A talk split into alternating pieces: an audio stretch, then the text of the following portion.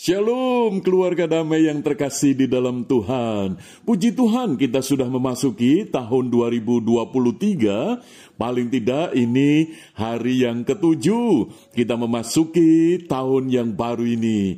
Dan biarlah kita boleh disiapkan melalui renungan samas. Iman kita semakin mengandalkan Tuhan. Mari kita akan berdoa sebelum kita merenungkan firman Tuhan.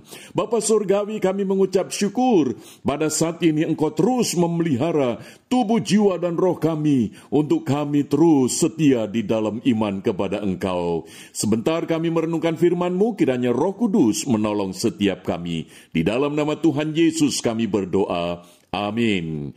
Tema yang akan kita renungkan bersama perspektif ilahi.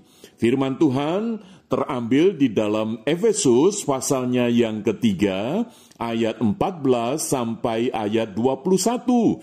Namun saya akan membacakan sebagai dasar perenungan kita yaitu di dalam ayat 18 dan 19 saja. Demikian firman Tuhan.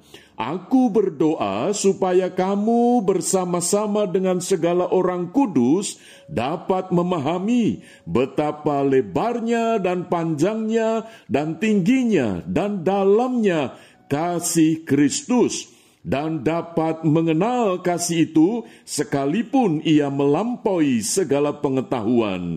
Aku berdoa supaya kamu dipenuhi di dalam seluruh kepenuhan Allah. Keluarga damai, ini merupakan perikop di mana Paulus mengungkapkan doa untuk jemaat di Efesus. Paulus menuliskan bahwa dia berdoa untuk orang-orang kudus. Siapakah mereka ini? Siapakah jemaat di kota Efesus ini? Sehingga Paulus menyebut sebagai orang kudus. Mereka adalah orang-orang yang dulu bukan percaya kepada Kristus. Dengan kata lain, mereka adalah orang-orang yang berdosa, yang seharusnya binasa, tetapi karena pemberitaan Injil Kristus, mereka menjadi percaya, dan akhirnya mereka bertobat, mereka mengikut Kristus. Sehingga di dalam imannya itu, mereka mendapatkan anugerah keselamatan hidup yang kekal, hidup di dalam pembenaran Allah melalui Kristus Yesus. Sehingga di situlah Paulus menegaskan bahwa mereka ini adalah orang-orang kudus di hadapan Allah. Bukan karena perbuatan baik mereka, bukan karena mereka menuruti hukum-hukum agama, tetapi karena mereka beriman sepenuh kepada Kristus. Sehingga dengan iman itu Allah menganugerahkan hidup sebagai orang-orang yang dikuduskan.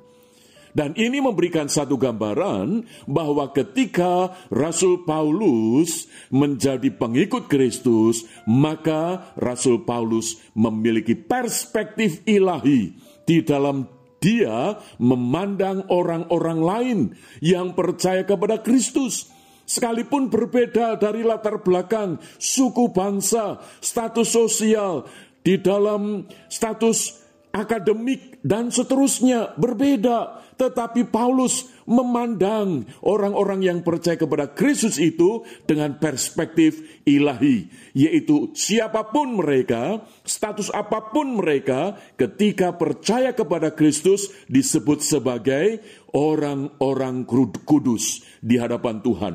Maka itu melalui doa Paulus kita melihat satu cerminan iman hati daripada Paulus terhadap orang-orang yang percaya kepada Kristus. Dan ketika Rasul Paulus menyebutkan bahwa mereka adalah sebagai orang kudus, itu berarti Paulus ingin mengingatkan bahwa siapa pun orang yang percaya kepada Kristus itu mendapatkan kasih daripada Tuhan. Dengan kata lain, melalui doa Paulus ini kita bisa melihat bahwa kasih Tuhan itu untuk semua orang, bukan etnis tertentu, tetapi semua orang, semua suku bangsa. Maka itu kita bersyukur, biarlah ini juga menjadi teladan bagi kita. Kalau kita menjadi orang yang percaya kepada Kristus, biarlah kita juga boleh memiliki perspektif ilahi sebagaimana Paulus untuk tidak memandang, tidak membeda-bedakan akan suku bangsa, Jadi siapa pun Orang yang percaya kepada Kristus adalah orang-orang yang menerima kasih Tuhan, sebab kasih Tuhan adalah untuk semua orang. Inilah perspektif ilahi yang dimiliki oleh Paulus.